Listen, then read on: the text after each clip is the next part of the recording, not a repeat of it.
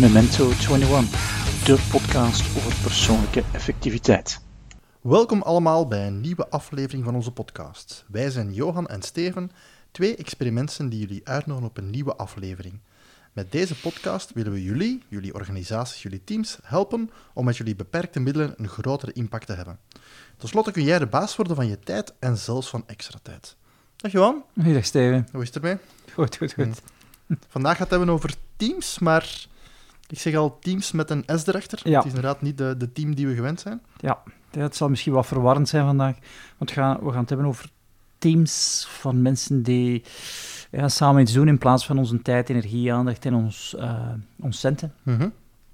Ehm, ja, het gaat misschien inderdaad wel wat verwarrend zijn vandaag. Dus misschien als we het woord team gebruiken, dan hebben we het over een groep van mensen. Ja. Als we het over eh, dus een andere team van tijd, aandacht, energie en geld, dan gaan we gewoon beperkte middelen zeggen. Ja, Op die manier. eh. Perfect. We gaan dat zo doen. dus ik ga nog één keer de fout maken en dan ga ik het vanaf dan goed doen. Want eh, bij Witgeel Kruis hebben we het net on- met ons team iets gedaan om team te verbeteren. Oké. En daarmee bedoel Ja. ik, eh, we hebben daar iets gedaan rond gezondheid en bewegen. Mhm. Ehm, hebben allemaal een uitleg gekregen rond het, het verhaal van bewegen. En er is nu een, eh, een 10.000 stappen challenge aangekoppeld. Omdat meer bewegen natuurlijk gezond is. Gezond Ja. geeft eh, meer productiviteit, meer gelukkige mensen. Dus Mhm. eh, vandaar dat er op het werk zo een, een initiatief gedaan is. En ik vond het wel interessant. We hebben ook een beetje een uitleg gekregen. Ehm, ook bijvoorbeeld van, van waar dat die 10.000 stappen komt. Dat is niet zomaar uit de lucht gegrepen. Mhm. Dat komt van een of andere Japanner. Die gezegd heeft dat, dat het belangrijk is dat je ja, enerzijds genoeg beweegt overdag. Dus van Mhm. die 10.000 komen er eigenlijk 6.000 van dagelijks te bewegen. Ja. En het is de bedoeling dat je natuurlijk constant doet. Dus dat je niet heel de dag gaat zitten en dan s'avonds ineens een heel Ja. lange wandeling gaat maken. Het is veel belangrijker om eh, dagelijks eh, dingen te gaan doen.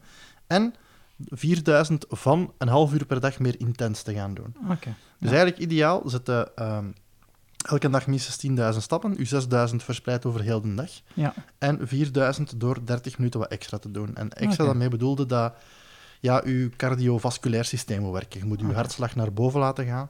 Dus dat kan zijn wandelen, maar dan moet je wel doorwandelen. Mhm. Eh, dat kan ook zijn dat je gaat lopen of fietsen of, Ja. of iets anders van sport. Ja. Dus ehm, Moet je een tikker laten werken. je moet een tikker laten werken. Dus eigenlijk hebben ze ook gezegd dat ja, regelmaat is belangrijk en afwisseling is belangrijk. Ja. Dus eh je hoort tegenwoordig, en wij zeggen dat zelf ook, staand werken is goed. Mhm. Maar een hele dag staand werken is ook niet goed. Ja. Dus eigenlijk moet je wat afwisselen tussen zitten en bewegen, een keer op een bal wat rondlopen. Ehm, en ik had zo ooit gehoord, de voedselpiramide, die kende misschien nog van vroeger. Ja. Die zo zegt van, ehm, je hebt eh, verschillende soorten voeding dat je moet doen. En eh, van de, de onderste van de driehoek moet je het meest eten. Mhm. Ehm, en er is ook een actieve voedselpiramide die wordt gepromoot. En dat, eigenlijk, dat gaat over bewegen. En als je die dan neemt, dan staat lichaamsbeweging eigenlijk helemaal van onder. Dus dat wil eigenlijk zeggen dat ja, lichaamsbeweging, dat we daar het, meeste van nodig hebben. Dus uw, uw, uw stappen van daarjuist en minstens 30 minuten wat actiever bewegen. Kinderen en jongeren zitten eigenlijk, moeten een uur hebben vandaag. Ja. ja, en daarboven hebben we dan het verhaal van water, dat je minstens anderhalve liter water moet drinken. En dan komt op je aardappel, Oké. graanproducten en ga Ja. zo verder. Dus eh, dat was voor mij ook iets van eh, de actieve voedseldriehoek. Ik had er nog niet van gehoord. Ehm, En hoeveel mensen hebben er dan bij het Wit-Gele Kruis ingestapt in de challenge van 10.000 stappen? Ah, ik zou eens moeten weten, eh, op de provinciale hoofdzetel, daar denk ik dat er nu... We zitten in, in acht teams, denk ik, van, van ongeveer acht personen. Dus daar doet dan ja, denk ik, een Mhm. kleine 70 man aan mee. Eh, die hebben nu allemaal een stappenteller. Ja. En de challenge duurt 12 weken. En de bedoeling is dat je zo met de teams, het team dat het meeste stappen haalt, wint. Dus om Ja. elkaar een beetje aan te zetten. Ja. Maar je merkt ook al direct initiatieven dat mensen over teams heen zeggen van we gaan eens een middagwandeling samen gaan maken of we gaan om tien uur eens rond het gebouw gaan lopen. Ja. En, eh, dat is ook, zo krijg je ook noties van eh, ja, als je eens rond het gebouw loopt en terug, dan heb je zeer onder stappen gezet. Dus eh ja, het geeft wel leuk dat je zo kunt praten over beweging. Ja, Ehm, dat je zo'n gezonde competitie krijgt. Mhm. Dus Ja. Ja, nee, wel een leuk initiatief. En het past helemaal in onze podcast van vandaag. Ja. Van hoe kun je zaken doen om teams en organisaties eh, ook meer productief en meer Ja. efficiënt te Mhm. maken. Ja. Nu, ehm, extra tijd kan natuurlijk ook daarbij helpen. Eh, Mhm. Extra tijd focuste vroeger vooral op het individu. Ja. Dat is ook natuurlijk nog een belangrijke component vandaag. Ehm, maar wat kan extra tijd doen voor teams? Eh, ik, ik ben extra tijd gestart vanuit het idee van... ehm, ja, eerst vanuit mijn eigen zoektocht naar hoe kan ik persoonlijk efficiënter zijn. Mhm. Ehm, geen goede methode hebben, dan een goede methode gevonden hebben, die optimaliseren en dan gaan implementeren. En wat dat we met extra tijd naartoe willen, is zorgen dat het individu meer met zijn beperkte middelen kan doen. Mhm. Ehm, en als individu heb ik daar heel veel pak op. Alleen zijn er een aantal zaken in, in, in de teams waar ik in zit, eh, in de organisatie waar ik in zit, die ook een bottleneck is dus, ehm, voor hoe dat ik met mijn beperkte middelen omga. Het kan dubbel zijn, hè. Ja. Een organisatie of team kan het een hefboom zijn, of Aha. kan het een bottleneck zijn Ja. op een aantal Ja, zaken. en als er zaken aan de linkerkant van de curve zijn, zijn er ook zaken aan de rechterkant van de curve. Ja. En degenen die, die ehm, niet helpen om die beperkte middelen te optimaliseren, Mhm. Daar willen we met extra tijd iets aan doen om, om, om daar ja, ehm, handvaten te geven om dat beter te doen, zodanig dat altijd het individu beter met zijn beperkte middelen kan omgaan. Ja. Uh, en om een paar voorbeelden te geven. ehm, er is in de organisaties waar wij komen te weinig duidelijkheid rond welk kanaal ga ik nu gebruiken om welke communicatie te doen. Ja. Ehm, Dat is inderdaad, in, in heel veel opleidingen komt dat naar boven van, eh, als je dan de vraag stelt van, hoe snel moet je reageren op een e-mail? mhm. Ehm, hoe vaak ja, moet je in je e-box ga- in- e-mail gaan? Waarvoor moet je e-mail gebruiken? Waarvoor moet je telefoneren? Zo heel het verhaal van iemand belt u. eh, ik heb u twee minuten geleden een mail gestuurd, Ja. waar hebben we nog niet geantwoord. Als we dan dan vragen, is er op de organisatie of teamniveau een policy rond dat beschrijft wat het moet Mhm. zijn, dan ontbreekt die vandaag nog te vaak. Dus ik denk inderdaad dat... Ja, hij ontbreekt of hij is niet gekend of hij is onduidelijk. Ja. Ehm, en ik, ik denk dat daar goede verwachtingen zorgen ervoor dat ik me goed kan organiseren. Mhm. Als het onduidelijk is, wil ik een goede job doen en dan ga ik ja, veel te veel afgeleid zijn. Ja. Ehm, ook bijvoorbeeld eh, vergaderingen structureren. Hoe kan ik dat efficiënt doen, zodanig dat het individu opnieuw met zijn beperkte middelen kan omgaan. Mhm. En, en, en het gaat altijd, voor mij is altijd de focus van hoe kan ik dat individu sterker maken. Want als dat individu productiever is, wordt de organisatie productiever. Ja. En er gaat altijd zo'n trade-off zijn tussen ja, dat individu en, en, en dat team. Maar er is ergens is dat een, een schaal en ik kan heel egoïstisch zijn, alleen maar naar het individu kijken. Maar ik kan ook zijn, ik kijk niet naar het individu en ik kijk alleen naar het team. Dan gaat er ook wel iets, iets verloren. Ja, klopt. Ehm, Ja, ook zo'n klassieker dat je vaak hoort van ik wil heel klantvriendelijk zijn. mhm. Dus ik wil constant op een mail direct kunnen antwoorden, Ja. wat dan heel hard klantvriendelijkheid is, maar aan de andere kant ja, voor je eigen productiviteit een Ja. bijna onmogelijke opgave is. Ja, en misschien en wat je dat je de rest nog zegt, omdat we die een heel weinig aan bod laten komen in beperkte middelen, geld.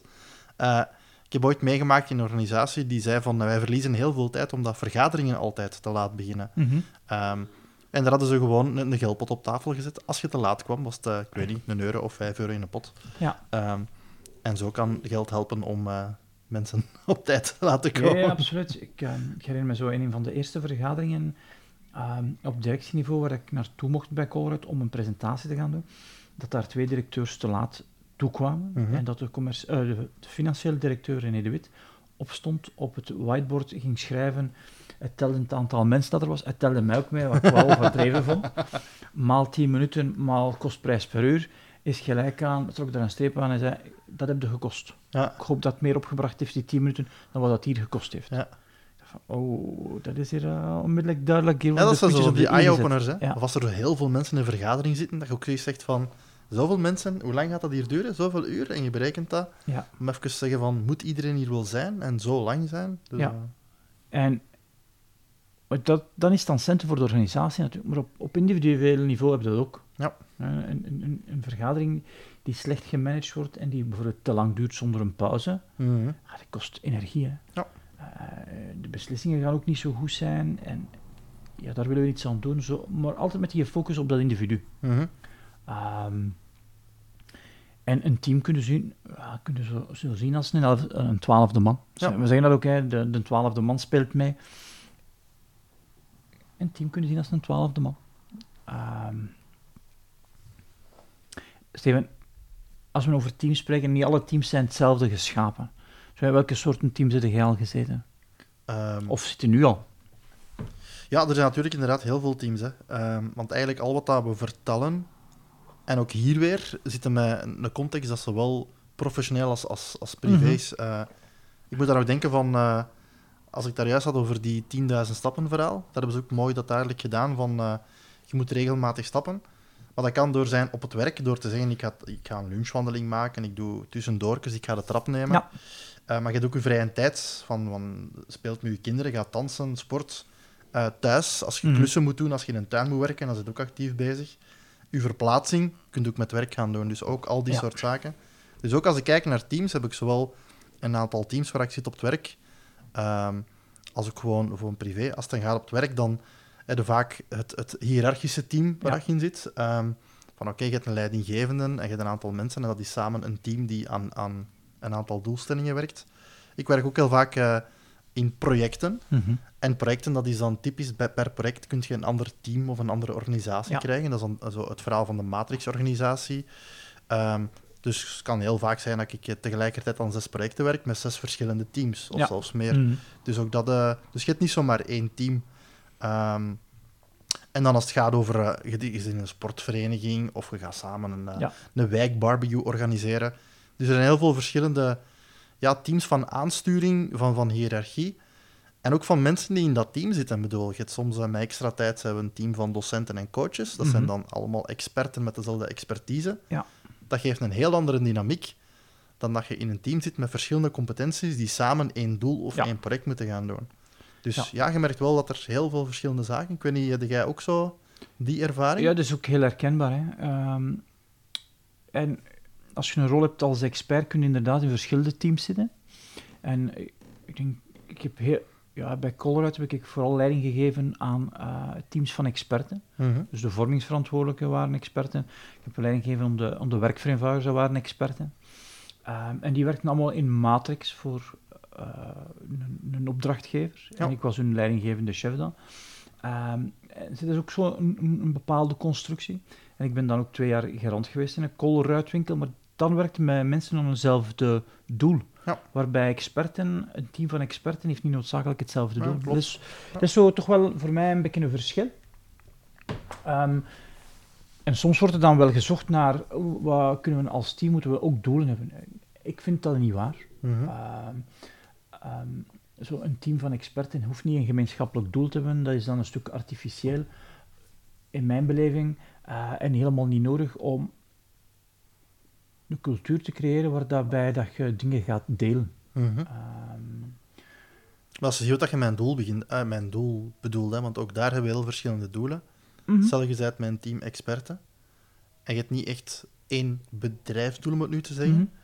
Je zou kunnen zeggen, we willen als team elkaars expertise vergroten en elkaar Ja. regelmatig challengen met zaken. Ja. Of we gaan als team samen productiviteitsexperimenten doen om beter te worden als individu of als Mhm. expert. Ja. Dus ehm, dat kan ook een, een, een doel zijn tussen haakjes of, of een hulpdoel. Ja, absoluut. Ja, ja, ja. Wij- En, en, en in organisaties kunnen er inderdaad ook verschillende teams zijn. En het moeilijke wordt, denk ik, als die verschillende teams over ehm, ja, moeten gebruik maken van diezelfde beperkte middelen. Ja. Ehm, dat is een pot met geld en je hebt eh, verschillende teams hebben een stuk van dat geld nodig Mhm. om hun werk te, werking te voldoen. Ja. Dan ja, kun je dingen niet regelen op teamniveau, dan moet je naar het niveau hoger. En dat is wat ik dan bedoel met organisatie. Ja. Dus je hebt individuen, je hebt de teams en de organisaties. En kun je ze een concreet voorbeeld geven van wat een organisatie kan dat een team niet kan? Ja, bijvoorbeeld ehm, binnen een organisatie, ik heb het idee dat er moet afgesproken worden hoe gaan wij ons gemeenschappelijk platform, onze gemeenschappelijke communicatie Ja. gebruiken. Mhm. Ehm, binnen een team zouden we nog kunnen afspreken, wij gaan op deze manier binnen ons team vergaderen. Mhm. Dat dat niet door de organisatie gedragen is, dat maakt misschien dan nog niet uit. Het zou makkelijker natuurlijk zijn, omdat als je dan in verschillende teams zit, dat je dezelfde organisatievorm hebt, hoe meer ervaring dat je er kunt in opdoen, Ja, hoe sneller ja, ja. dat vooruit gaat. Maar dat is ook nog niet noodzakelijk. Ehm, maar sommige zaken moeten op een organisatieniveau regelen, om, omdat het team te weinig zeggingskracht heeft. Ja. Ehm, binnen uw silo kun je dat dan wel doen, hoewel ik niet graag organisaties zie als silo's, maar binnen een team kunnen bepaalde zaken wel doen, met experimenteren. Maar ik vind het ook dat het ook goed is dat dat gedragen wordt door de grote organisatie. Ja, klopt. Ehm, hoe dat er beslissingen wordt genomen. En ik, ik refereer heel dikwijls naar Colruyt zo. Hoe werd er nu een beslissing genomen om iets te doen of niet? Dat werd ehm, de toekomstige opbrengst berekend. En Mhm. Als een, een, een- organisatieafspraak werd geen project gelanceerd als er geen toekomstige opbrengst, een budget werd dat genoemd, eh, berekend was. Ja. En daar moest ook mee starten. Mhm. En dat is wel goed dat iemand dat zegt, zo gaan we dat doen. Ja. En ja, meestal is dat wel hoog in de organisatie. Mhm. Als we het even lekker complex maken, maar het is maar gewoon eh, dat ik het een andere keer over hebben. Wat het nog voor mij uitdagender maakt, is als je eh, zaken doet met eh, mensen in andere ja, landen of culturen Mhm. eh, of tijdzones. Ja. Maakt het vaak nog een beetje uitdagender. Of over organisaties heen. Vaak doen de projecten Ja. met mensen uit verschillende organisaties. Nu, ja, het is, wel, het is wel goed al dat je er blijft bij stilstaan. Hè, als het gaat over een, een e-mail policy of hoe gaan wij doen. Die kan in die twee bedrijven verschillen, als ze al in duidelijk hebben. Maar het is wel goed als je, als je aan een project of aan een samenwerking begint, dat je er even bij stilstaat van hoe gaan we dit nu in, in Ja. dit project, in deze samen afspreken, zo- dat je er bewust van bent. Zo gaan we het doen, dat de verwachtingen duidelijk zijn. Ja. Maar dat zijn inderdaad wel dingen die... Te... Ja, wat zijn, de, wat zijn de protocollen? Ja. Je kunt dat hebben als individu, je kunt dat hebben als team, maar je kunt dat ook hebben als organisatie. Ja. Wat zijn de impliciete en expliciete afspraken? Ja. Ehm, eh, als, jij- als jij van mij weet dat ik heel weinig naar mijn e-mails kijk, één of twee keer per dag, ja, dan weet je, als je mij eh, in gang wil zetten nu, dan moet, moet je mij geen e-mail sturen. Hè. En dat is wel goed om dat te weten. Ja, zeker. Ehm, en dat geef ik altijd de raad om, om de individuen, als er geen organisatieduidelijkheid is, geef dan als individu zelf de duidelijkheid van, ik ga dat op deze manier doen. Ja. Omdat, in mijn idee is dat hiërarchie. Hè. Als je geen mandaat krijgt, dan zorg Mhm. dat je mandaat, dat je duidelijk maakt welk mandaat dat je hebt. Ja. Ehm, en dan moet ik wel zeggen, dat heb ik van een van mijn bazen geleerd, zei, ja, ehm, je zorgt voor duidelijkheid, omdat duidelijkheid goede vrienden maakt. En als je geen toestemming krijgt, dan zorg ervoor dat je eh, zegt, ik ga dat doen. En als je mij niet tegenhoudt, eh, dan blijf ik dat doen. Ja. Ja. Ja, het kan ook het begin van een, eh, inderdaad een gesprek doen. Stel, in een bedrijf is geen duidelijkheid en jij, zeg maar, iets zet in je e-mailhandtekening. Vanaf nu haal ik één keer per dag mijn mails binnen en ik antwoord, ik antwoord u binnen de 24 uur. Mhm. Dat creëert duidelijkheid. Ja. Het kan ook het gesprek starten met HR, Ja, dat ze dan zeggen van, wat zeg jij nu? Maar dat is dan terug de conversatie van, en hoe, hoe vaak zou dat moeten zijn? Ja. En dan is misschien wel even, oeps, daar moeten we eens goed over nadenken. Mhm, ja. Ehm, ja, en alles is feedback. Hè. ja. Het, hetgene waarom dat ik graag voor individuen werk, is omdat als individu kan ik dan niet meer zeggen, ja, het is mijn verantwoordelijkheid niet, ik heb er geen paknummer op. Ja. Ik, ik, ik heb niet graag dat mensen het stuur uit handen geven. Ja. Dat als je het stuur uit handen geeft, dan, dan, dan, zij de, ja, dan geraakt je in een slachtoffer. Ja. Dan zeg je, oh, ik heb de organisatie nodig om dit en dit te doen. Dan denk ik van, ja, dat is BS, ik, ik, ik wil dat niet. Dus, maar als de, als BS zijnde. eh, bullshit, ja. Ik weet Als niet of we de- dan in iTunes zo een of andere expliciet heb- aanduiding krijgen. ik, ik, eh, ik heb ook geen idee. Ehm, maar dan, als ik geen duidelijkheid krijg van de organisatie, dan wil ik wel niet wachten. Wij willen voor eh, extreme ownership gaan, hè, van neem Ja, stuur zelf in en, handen. En... eh, Waarom dat ik dat wil, is omdat ik dat gemerkt heb dat als ik de verantwoordelijkheid ergens anders leg, dan zoek ik niet meer naar oplossingen. Ja. Ik, ik vraag ook aan onze klanten, ik heb niet, uw lijst is niet leeggemaakt, u gebruikt het excuus niet van ik had te weinig tijd. Waarom? Omdat je dan stopt met zoeken. Mhm. Zeg van, tjur, het is niet gebeurd. Wat, is er nu, wat heeft nu gemaakt? En laat tijd buiten beschouwing. Wat heeft er nu gemaakt dat je voor iets anders gekozen hebt? Ja. Want anders zoek je geen oplossingen en door geen oplossingen te zoeken gaat er ook niks veranderen. Mhm. En door extreem ownership te nemen, verantwoordelijkheid te nemen, veranderen dingen. Ja. En als er dingen ver- veranderen, ja, dan gaan we vooruit of niet. Mhm. Maar op zijn minst is er beweging. En Ja. dan is er feedback, want als er geen beweging is, is er geen feedback. Ja. En of je dat nu op individueel niveau doet, op teamniveau doet of op organisatieniveau, we gaan elke keer wat vooruit gaan. Mhm. Maar ik heb de indruk, als je individuen sterker maakt, dan hebben we een veel grotere hefboom. Waarom? Omdat je een multiplicator effect hebt. Ja, klopt. Ja, vandaar ook als eh, teams of afdelingen de, de workshop Master to Do gaan Mhm. volgen als team, geeft dat heel veel voordelen. Ah, ja. Ze hebben allemaal de terminologie, ze hebben allemaal de basisconcepten geleerd van hoe, hoe moet ik een systeem maken, welke processen Ja. horen daarbij. Ja. En je kunt elkaar helpen om dat te, ja, te versterken en elkaar te helpen natuurlijk. Ja, verandering, verandering is iets sociaal. Hè? Ja, zeker. En, en, en dat merkte dat... ehm, je verhuist een andere job, je krijgt eh, een andere job in een ander bedrijf. Wel in een ander bedrijf werken gaat maken dat je andere gedragingen krijgt. Mhm. Waarom? Omdat daar impliciete regels gelden waar dat jij je confirmeert Mhm.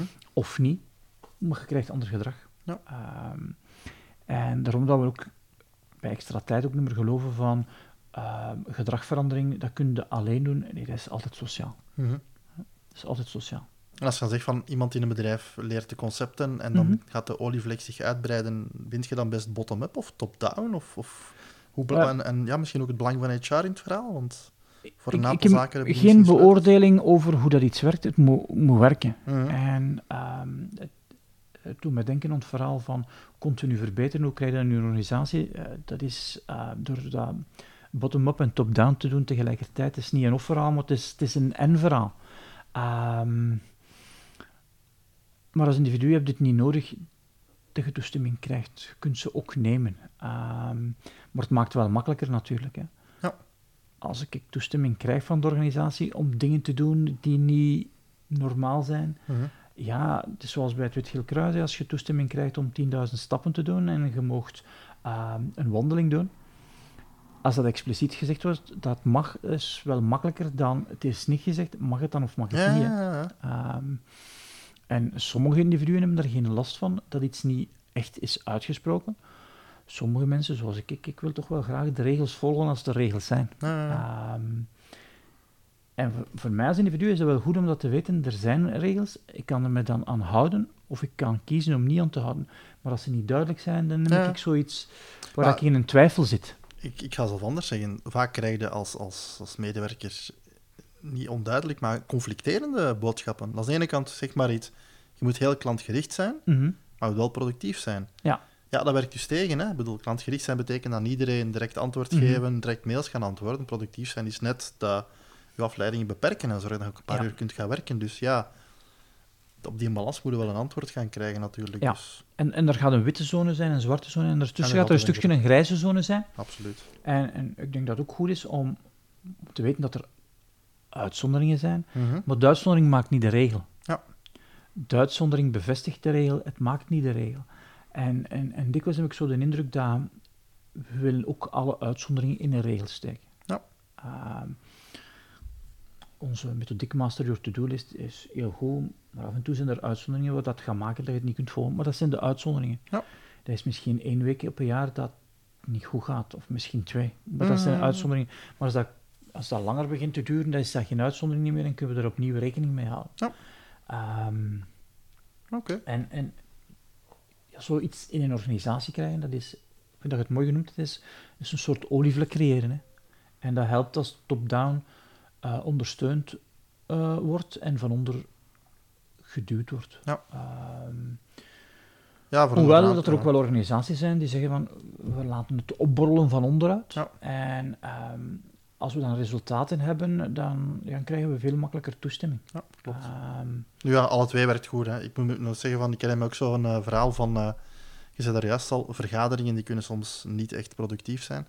Van een organisatie waar ze zeiden van een vergadering moet voorbereid zijn en de voorbereiding moet drie dagen voor de vergadering opgestuurd Mhm. zijn. Als dat er niet is, gaat het agendapunt gewoon niet door Ja. tot de volgende keer en dat is dan om de maand. Als je dat als organisatie zegt, ja, dan moet je natuurlijk ook wel afdwingen en ook wel doen. ja. Stel dat het agendapunt op de vergadering komt en je laat het doorgaan, ja, dan is het weer om zeep natuurlijk. Maar Ja. daar doen ze echt zo. Vo- Voorbereiding niet op tijd klaar, sorry, het zal voor de volgende keer zijn. ja. Dus eh, dat helpt wel dat dat daar ook wordt afgedwongen. Heb je nog andere voorbeelden van succesverhalen of, zaken die je hebt zien werken op organisatieniveau? Ja, we hebben een, een organisatie geholpen. Zijn- Het is dus een groot bedrijf van eh, advocaten die ehm, gezorgd heeft op basis van een experiment, dat vond ik wel tof, van ehm, we gaan zorgen dat eh, ons, ehm, ons mensen focustijd hebben. Twee halve dagen waar dat ze geen telefoons moeten beantwoorden, dat ze ook Mm. geen vergaderingen moeten doen, Ja. dat ze ook geen mails moeten beantwoorden, maar dat ze ja, tijd krijgen om, om of- ofwel aan projecten te werken of diep denkwerk te doen. Ja. En eh vond ik wel goed dat die organisatie zei, laat ons daarmee experimenteren om te kijken of dat, dat ons gaat vooruit helpen. Ehm, en ik denk dat dat in de toekomst nog meer en meer gaat gebeuren. Waarom? Omdat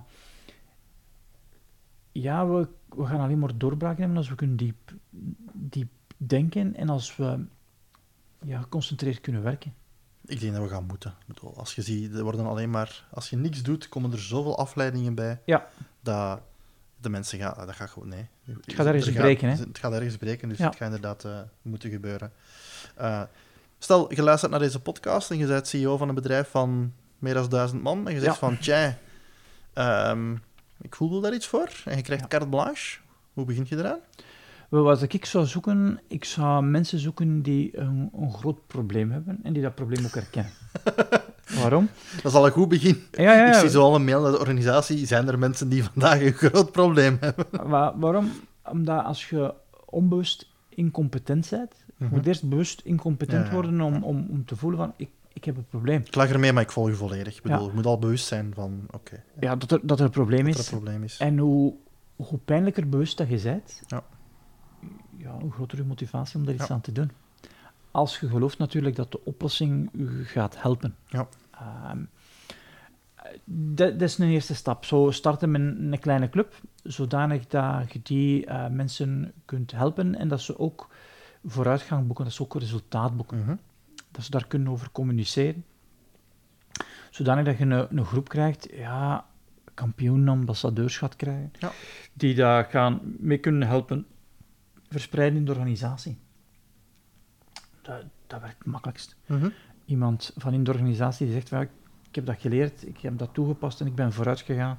Dat is iets anders als, als, als ik die als extern dingen komt vertellen. Ja. Dat als extern Dat je in een tweede fase als trainde trainer mensen van het bedrijf eh, aan de rest van de collega's het uitlegt. Ja.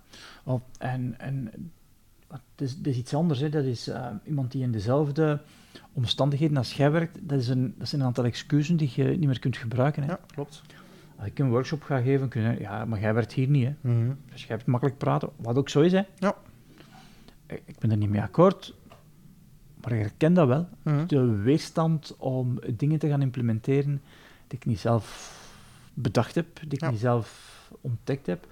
Ik denk dat dat als mensen is. Ehm, en door die excuses weg te nemen van ah, het is niet iemand van deze organisatie die het komt vertellen, maar iemand van onze eigen organisatie die een soort referral geeft van hey, het werkt voor mij. Ja. Met de tools die wij hier hebben, niet perfect, maar het is veel beter dan, dan tevoren. Ah, dat, werkt, dat werkt prachtig. Ja. ja, ik denk inderdaad als je dan, want dat merken we ook natuurlijk, dat je twee grote excuses van je werkt hier niet, hè, dus Ja. wat dat je net zei. Het tweede andere excuus is, ja, maar ja, ik heb een ander type van job. Ja. En inderdaad, de jobs variëren ook nog. Je hebt, jobs met ongelooflijk veel ad hoc werk, Mhm. eh, waar je zwaar moet ja, plannen van, oké, ik moet heel veel verrassingen incalculeren. Ja. En je hebt jobs die je heel veel zelf kunt plannen, je hebt dan zo wat het spectrum tussenin. Ja. Dus dat is wel inderdaad, zoals we het dan doen, dat clubje kiezen met profielen die overal wel een beetje aan bod komen. Ja. Ja, dan heb je de twee belangrijkste excuses inderdaad al gecounterd op voorhand Mhm. van eh, mensen die daar werken in een gelijkaardige functie. Ja. Die kunnen zeggen, oké, bij mij werkt dat en dat zijn de zaken die mij helpen en zo doe ik het. Ja. Dus eh, Ja, de- en en dat, is, ja, dat is gewoon, denk ik, normaal. Ja. Als je ergens iets ziet dat je zegt van, oeh, maar dat is zo bijzonder, dat is zo voor mij dan abnormaal wat dat die doet. Ja, dat is buiten mijn comfortzone, dan zeg je dan feitelijk. mhm. Ja, dan wil ik ook wel een hoop excuses verzinnen om het niet moeten te doen. Ja. En daarom dat wij ook ja, voorstander zijn binnen extra tijd van experimenten te doen, omdat je dan ja, expliciet toestemming geeft om dingen te doen die je niet normaal vindt. Ja. Ehm, en voor mij gaat het dikwijls over die expliciete toestemming en dan kom ik terug met een team. Ja, je geeft dan expliciet toestemming om het op een andere manier aan te doen, om een experiment te doen. Mhm. En ik heb gemerkt, als je met iemand afkomt en zegt, laat ons dat proberen voor drie weken, dat er zelden, zelden discussie is om het niet te proberen. Mhm. Waar de discussie over gaat, is van, ah, ik weet niet wat het resultaat gaat zijn en ik wil me nu nog niet engageren Ja. om dat tot de rest van mijn dagen te doen. Maar experimenten willen mensen zich engageren Ja, ja. om dat te gaan testen, om dat te gaan fine-tunen. En dan ook, ook, ook soms nog om, om dat te gaan vertellen aan hun collega's. Ja. Dus er is zeker iets dat we, als we, stel dat we duizend man moeten trainen in dezelfde organisatie, dan zoeken we een kleine club. Mhm. We gaan ook een aantal van, eh, we gaan van beneden naar boven laten gaan, maar ook van boven naar beneden. Ja. Dus we willen ook bij de directie een aantal mensen daarin trainen en coachen. Mhm. Waarom? Omdat, ja, als die mensen hebben ook een, voorbeeld, een voorbeeldrol. En als ze die kunnen tonen van, kijk, ik heb dat ermee gedaan, ik heb dat ermee gedaan, en dat is hier in mijn job ook valabel, ik ben vooruitgang geboekt, dat creëert een, een soort cultuur van veranderingsbereidheid. Ja. Ehm, en dat vind ik wel een belangrijke. En hoe ziet je de rol van HR in zo'n traject? Ik zie de rol van HR als, als een soort facilitator om dat in de cultuur te krijgen. Mhm. Omdat ik denk van, als je wilt controle hebben over een to-do-list, zijn er een paar zaken die voor mij belangrijk zijn. Dat is een cultuur krijgen van experimenten in een organisatie. Mhm. Ehm, en dat is geen wildgroei, maar dat is eh, experimenten doen als basis om vooruit te gaan. Het tweede is van ehm, communicatie door de afdelingen doen van succesverhaal. Zo zijn zo de spil tussen de verschillende afdelingen om te gaan tonen van kijk, dit is wat we met ons menselijk potentieel doen. Ja. We willen dat vergroten, maar we willen dat ook optimaal gebruiken. We willen ook mensen tools geven om dat zelf te, te verbeteren. Omdat je hebt productief zijn en je hebt aan je productiviteit werken. Ja. En je hebt de twee nodig om structureel op lange termijn niet opgebrand te geraken en te verbeteren. Mhm. Ehm, en HR kan daarin faciliteren door ja, de, de lijm te zijn die, die, die individuen er verbindt, de sociale component te creëren. Ja. Ja. Vol- vol- volgens mij de rol van HR in dat verhaal. Aha. Nu, vooral duidelijkheid, bij, bij zo'n zaken praten we over, je hebt natuurlijk wel ook quick wins, maar dan praten we inderdaad over een cultuurverandering. Dat duurt natuurlijk wel even voordat je zo eh, soms een, een tanker eh, in een ja, andere richting uitkrijgt. Of, of... ja en, en, maar ik, ik merk daar dat de, als ehm, de leidinggevenden overtuigd zijn en dat ook tonen. Mhm. En een voorbeeld, je komt bij je leidinggevende, en je leidinggevende vraagt u van, zeg, wat is uw masterlijst? Welke projecten zijn er nu gestart? Geef mij dat overzicht een keer. Ja. Hij moet maar drie keer vragen. Ah, natuurlijk. Uw masterlijst is gemaakt. Ja. Ehm, en als uw leidinggevende zegt van, dat project zet dan maar op uw incubatielijst, je moet daar de komende weken geen acties aan doen, we hebben niet genoeg capaciteit, omdat dat andere project is belangrijker. Ja, dat, dat zijn over prioriteiten bezig, Ja, maar dan begint ook hetzelfde taalgebruik te doen. En als uw leidinggevende ook voorbeeld geeft, eh, dat gaat veel beter werken. Ja, ja. Veel beter werken. En dan niet alleen over jezelf, maar ook over eh ja, de twaalfde mannen. Ja. Zijnde van, eh, wat is de masterlijst van uw team? Ja. Meestal met welke project Ja. aan uw team bezig is, of Ja. eh, dat project bezig is. Absoluut. En wat dat je op individueel niveau doet, kun je ook op teamniveau, kun je ook op organisatieniveau. Ja. Er zijn organisaties die portfolio managers hebben, die alle projecten Ja. beheren over de organisatie. Wat doen die? Die gaan de masterlijst en de incubatielijst van een organisatie gaan Ja. in kaart brengen, omdat ja, op een of andere manier heb je overzicht nodig om prioriteiten te kunnen maken. Absoluut, absoluut. Om te kijken of dat je prioriteiten u wel brengen naar de doelen waar dat je wilt zijn. Ja. Ehm, dus, nog eens eh, recapituleren. Hè. We starten met een kleine club, boven Mhm. en beneden. Eh, als er enthousiaste mensen uitkomen die ook nog dat kunnen trainen, een train de trainer. Zodanig dat binnen het bedrijf de mensen getraind worden door de mensen van het bedrijf zelf. Mhm. En ehm, dat er dan ja, een of andere kennisuitwisseling is van welke experimenten kunnen we allemaal opzetten om zo'n cultuur te creëren van ja, kleine experimenten om beter te worden. Eigenlijk is dat terug continu verbeteren. Absoluut. Ja. Ja, ik, ik denk wel, we zijn opnieuw ja, bezig om in organisaties een cultuur te brengen van continu verbeteren, maar dan op individueel niveau. En te zorgen dat bottlenecks in teams en organisaties weggewerkt worden, zodat dat, dat individu kan zijn beperkte middelen optimaliseren en maximaal kan gebruiken. Eh, misschien verrassend, die dat de extra tijd ook kan helpen bij de kantoorinrichting. Want dat is, eh, Ja, hebben, dat is toch wel een heel actuele bottleneck dat je heel vaak ziet terugkomen. ja, we hebben daar eh, ideeën over. Hè. En, en we merken dat in veel organisaties de medewerkers altijd aan het klagen zijn over de kantoortuinen, over de landschapsburelen. Ehm, we zijn constant afgeleid. Mhm. En ja, ik, ik kan ze niet Ja, anders voor alle gelijk duidelijkheid, je bent ook afgeleid. Hè? Tuurlijk, bedoel, ja. Ook al zeg je van, eh, als er op twee meter van iemand aan het bellen is. Ja, ja, dus, dan dus leidt u af. Hè? Dan... Theo Kompernolle heeft zo'n hele mooie test, hij noemt hem een telefoontest. Als je kan horen wat je aan het vertellen zit de telefoon, ja, dan is geen goed ingericht kantoor om geconcentreerd te zijn. Ah, ja. een heel low budget test. Ja, een heel low budget test. En dan Ja, dan, dan merk je dat er een hele hoop kantoren niet oké zijn. Ja. Niet oké zijn voor concentratie. Hè. Ja. En als je zegt, ik maak een trade-off heel bewust van, kijk, concentratie is voor mij niet belangrijk, ehm elkaar onderbreken is belangrijker, ja, dan is dat oké. Ja. Want Dan heb je heel duidelijk wat dat doel is. Ehm, en het is als je die meerdere doelen begint te, te mengen, ja, dat dreigt verkeerd te gaan. Trouwens, inderdaad een, eh, een serieuze aanrader om te lezen, Ontketen je brein. Ja. Uh, goeie boek. Ehm, misschien als we bij de voorbereiding dit verhaal deden, had het ook over eh, het verhaal van eh, verschillende soorten werk. Het, het kortcyclisch en het langcyclisch werk. Misschien Ja. even wat... Want dat heeft ook een verschil in... Ja, Ja, hoe dat je het organiseert. Niet hoe dat je het organiseert, maar eh, of dat je veel meer ad hoc moet inplannen of niet. Dus wat ik bedoel met kortcyclisch werk is, ik krijg het vandaag, en ofwel moet het vandaag of binnen twee of drie dagen gedaan zijn. Ja.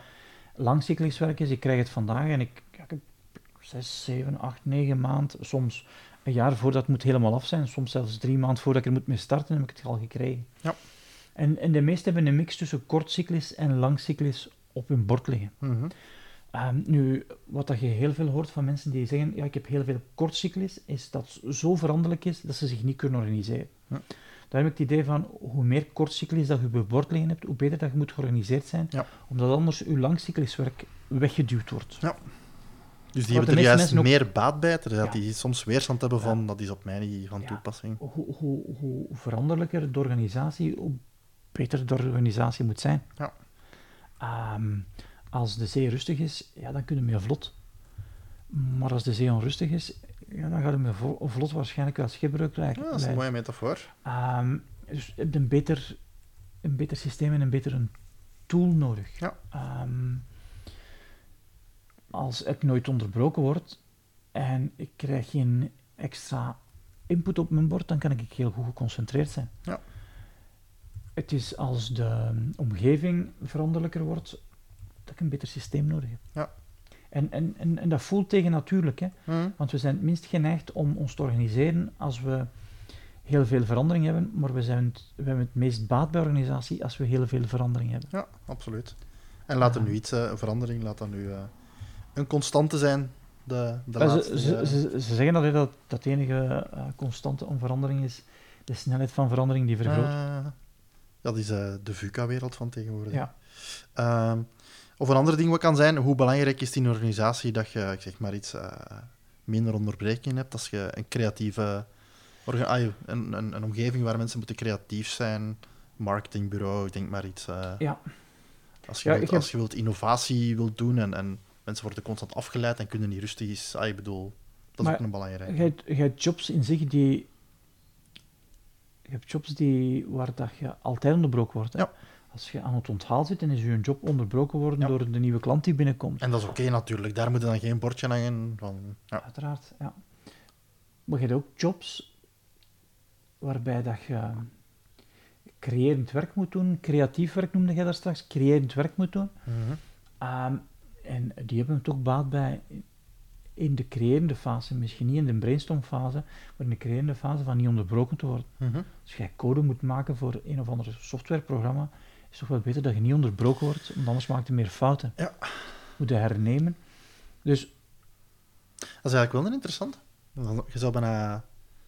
Je kunt bij software kunnen meten hoeveel bugs of fouten er achteraf zijn. Dus je zou bijna eens... eh, ja, dezelfde, er zal wel een correlatie zijn. dezelfde ontwikkelaar is drie Ja. maanden laten geconcentreerd werken en drie maanden niet geconcentreerd. Het lijkt alsof je... Het lijkt er ergens verwend als je het zo zegt, maar Mhm. ja. dan zou je van, van een landschapsbureau eens gewoon moeten uh, afleidingsvrij zijn en eens zien wat dat, dat geeft. Je zou dat inderdaad wel kunnen testen. Ah, Alleen denk ik dat je het resultaat op voorhand weet, maar goed. Ja, dat denk ik ook. Dan moet je, dan moet je geen test meer doen. Ehm Zo'n professor die ehm, studies gedaan heeft, ik ben nu zijn naam even kwijt, van of dat we beter worden in multitasken, hoe meer dat we multitasken zijn. Nee, we worden niet beter in multitasken omdat we meer multitasken. Uh, Integendeel. Uh, dat wil dus zeggen, als we gaan unitasken, minder onderbroken worden, dat we meer, één, meer werk gedaan krijgen, maar kwalitatiever zijn. Um, en dat heeft alles te maken met ons brein. Ja. Een overgestimuleerd brein is een brein die onder zijn stressmode gaat op een bepaald moment en die dus niet meer kan concentreren en we maken ook meer fout. Mm -hmm. Ik denk dat iedereen dat uh, ook, ook ook wel erkent dat Aha. hoe meer dat onderbroken wordt, hoe meer fouten dat je maakt. Nu, eh, omdat ik al zie dat we richting eh, het einde van onze aflevering gaan. Eh, als we eigenlijk het team als eh, twaalfde man zien. We hebben de rest al gezegd van inderdaad, je kunt ook een team masterlijst hebben. eh, een team wachten op. Ja. Eigenlijk de, de meeste zaken zijn er van toepassing. Heb je nog een aantal tips hoe, dat het, hoe dat je de, de fysieke energie kunt hooghouden als team? Ja, je kunt dan een aantal dingen doen. Om fysieke energie hoog te houden, moet je fysieke dingen doen. Hè. Mhm, Ehm, ja, je zou kunnen staand vergaderen. mhm. afwisselen, staand vergaderen, zittend vergaderen. Ehm, je zou eh, ook kunnen gaan wandelen eh, al vergaderend. Ehm, Minder vergaderen. eh, minder vergaderen is er zeker één van. Dat zijn, dat zijn mogelijkheden om de energie hoog te houden. Je zou ook gezonde lunchen kunnen voorzien. Ja. Ehm, Of ook omgekeerd, zijn de, de ongezonde zaken bannen uit uw bedrijf? Geen cola-automaat of wat is het allemaal, als dat Ja. aanwezig is. Ja. Een En- 10.000 stappen challenge kunnen gaan doen. en eh, ik denk van, goh, moet je dan paternalistisch zijn en dan gaan opleggen? Zo het begint zo te, borrelen in mijn buik, dat ik denk van, oeh, Begint al tegen te wringen. Ja, soms denk ik van wel, maar soms denk ik ook van nee, ik, ik ga liever het individu ehm, bewuster maken van wat er gebeurt als je cola drinkt, wat er het, gebeurt ja. als je dit doet. Het is wel gemakkelijker, ook als je thuis geen ongezonde voeding Ja, hebt, ja, ga er ook minder snel naar grijpen. Dus, eh, maar inderdaad, ik snap het. Absoluut. Maar het is zo een, een wisselwerking. Er zijn oplossingen bij het individu, er zijn oplossingen bij het team, er zijn de oplossingen bij de organisatie. Ah. En, en als de organisatie oplossingen brengt, dan heb ik als individu lijkt het of dat ik minder vrijheid heb. En je weet, vrijheid is voor mij wel een Ah. belangrijke, daarmee begint dat hier wel te draaien in mijn buik. Ehm, Ja. Maar ik, ik moet wel erkennen, toen dat ik bij Colruyt werkte en er was maar twee keer per dag eh, digitale eh, post, Mhm. was ik veel meer geconcentreerd dan toen, er, toen dat er altijd nieuwe Ja, post tuurlijk. mogelijk was. Ah. Ehm, dus ja, wat is daar het spectrum waar dat je op gaat? Hè? Ja. Ehm, Datzelfde is- verhaal met dat bedrijven e-mailcijfers afzetten om vijf uur of om zes uur s'avonds. Ik bedoel, dat is ook om je te beschermen. Om, maar inderdaad, sommigen Ja. zeggen nee, dat belemmert mij, want ik wil net dan de kinderen van school aan en s'avonds nog wat e-mail verwerken. Ja. Dus, eh, Ja. Oké. En tips om eh, als team uw aandacht hoger te houden? Ja, ik denk, onduidelijkheden, dan moet je dat beperken. Mhm. Waarom? Onduidelijkheden kosten gewoon mentale energie. Ehm, mensen willen dat open loops invullen, ze blijven er ook langer mee bezig. Je kunt een paar Ah, concrete voorbeelden geven als je zegt van onduidelijkheden beperken? Wel, als een beslissing te lang op zich laat wachten, dat is onduidelijkheid. Eh, als er ehm, geruchten zijn in de firma, dan creëert dat onduidelijkheid. Ja. Dan moet er duidelijke communicatie zijn van, oké, er is... Soms kan het zijn, er is nog geen duidelijkheid, maar we laten nu binnen een week weten. Ja. Dan kun je het loslaten. En dat zorgt ervoor dat, ehm, dat je met de mentale energie beter omgaat. Ja. Je kunt ook momenten afspreken waar dat er geen beslissingen worden genomen. Ah, als je weet dat... Ja, nee. Op het einde van de week, het, is op, het beste is daarvan. Ja. Ja. En misschien is het dan beter van geen beslissingen te nemen. Ja. Ehm, afspraken maken rond wanneer ga je geconcentreerd werken. Ehm, onderbrekingen en storingen beperken. Uh, soms is het gatekeepers maken zodanig dat je kunt geconcentreerd werken. Vergaderingen doen zonder telefoons die mee zijn. Ja. Ehm, ehm, laptops, ja, dat is nog moeilijk te bannen in meetings, maar je hebt ook ehm laptop-vrije meetings. Mhm. Ja, maar het begint een tool te worden waarmee dat je ook verzamelt. Ook... Dit is zo... Ik, ja. ik struggle er ook mee. Ik bedoel, Ja. inderdaad. eh met een laptop, je kunt inderdaad zwaar afgeleid zijn tijdens vergaderingen. Ehm, of je zit beginnen multitasken, wat ook niet goed is, waar je meer Ja. moe uit de vergadering komt. Maar als je inderdaad papieren notities neemt, dan eh, Moet het nog hernemen? moet het nog hernemen. Dus het is ja, inderdaad... eh, is, het is, het is geen zwart-wit verhaal. nee, het is geen zwart-wit verhaal. Dus, En, eh, en dan heb je goede protocollen nodig om geconcentreerd te zijn. En stel dat je concentratie weg is, wat kun je dan doen? Hè? Ja. Je zegt van, hey mannen, het gaat niet meer. eh, ik heb er even eh, vijf minuten nodig om mijn energie weer op te pompen. ja. Hoe Dat- hoger dat- je dat- daar zit in de organisatie, hoe makkelijker dat, dat is om dat te doen natuurlijk. Ja. Ah, Maar ik vind ook wel, hoe- ai, hoe, hoe meer mensen bewust zijn van de principes, hoe meer dat, dat geaccepteerd is dat je dat zegt. Ja. Ik bedoel, dat je, als je zegt van, hé, hey, wacht, is de energie is op, ik kan niet meer, eh, laten we Ja. even vijf minuten pauzeren. Ja. Ehm, ja, dat mensen zeggen, ai, dat, dat is bij iedereen zo. Dus Ja. dan is het veel beter dat je dat Mhm. kunt zeggen, dat je voor zijn pauze pakt, dan dat je daar inderdaad gewoon Ja. mentaal niet meer bij bent. Dus ik vind dat wel een goeie. En, en, en ook lokaal maken dat er voldoende licht en lucht is. Ja. Ik ik werd zo, soms geven we een opleiding in lokaal waar je van denkt van, oeh, maar dat is sowieso op het einde van de dag heel moe. Hè? En dat is omdat dat Ja. lokaal ofwel geen licht had of geen lucht had. En dat je dan merkt of het te warm is en dat je dan merkt dat de energie zodanig onttalen is. Ah, En we zeiden, we moeten iets meer pauzeren, want anders, de tijd die we hier gaan spenderen is verloren. Hè? Ja. Ehm, dus beste facilitaire manager en directie. Het zit ook in die zaken. Hè? Ja, Ik bedoel, licht en lucht, het lijkt bijna banaal, maar dat heeft een ongelooflijk effect op... eh, Ja. Absoluut. Ja. Oké. En, en ik, versta ook dat er burelen zijn die minder geschikt zijn dan andere. Mhm, En ik versta ook dat er keuzes worden gemaakt. Hè. mhm, Tuurlijk. Ehm, Oké, ik denk dat we voor onze tijd zijn. Iets zeg je dat we er nog eh, een vervolgpodcast is aan gaan wijten aan dit team, eh, of aan dit team, aan deze, aan deze materie. Eh je sprak er juist over, eh, als we dat in bedrijven doen, creëren we een, eh, een platform om experimenten te doen. Misschien moeten we nog afsluiten met een aantal mogelijke experimenten. Ah, eh, zeg eens, eh, Steven, wat, zou jij aanraden aan een eh, organisatie van mogelijke experimenten?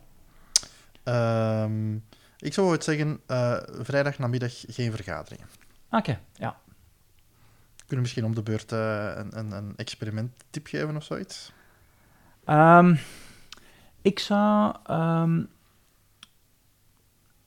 zorgen dat er structuur komt in de e-mails, zodanig dat duidelijk wordt waarom stuur ik nu een e-mail, wat is het besluit van een e-mail, ehm, welke actiepunten zijn er en een stukje verduidelijking. Ja. Zodanig dat, ehm, ja, dat het minder tijd kost om, om, om te gaan lezen.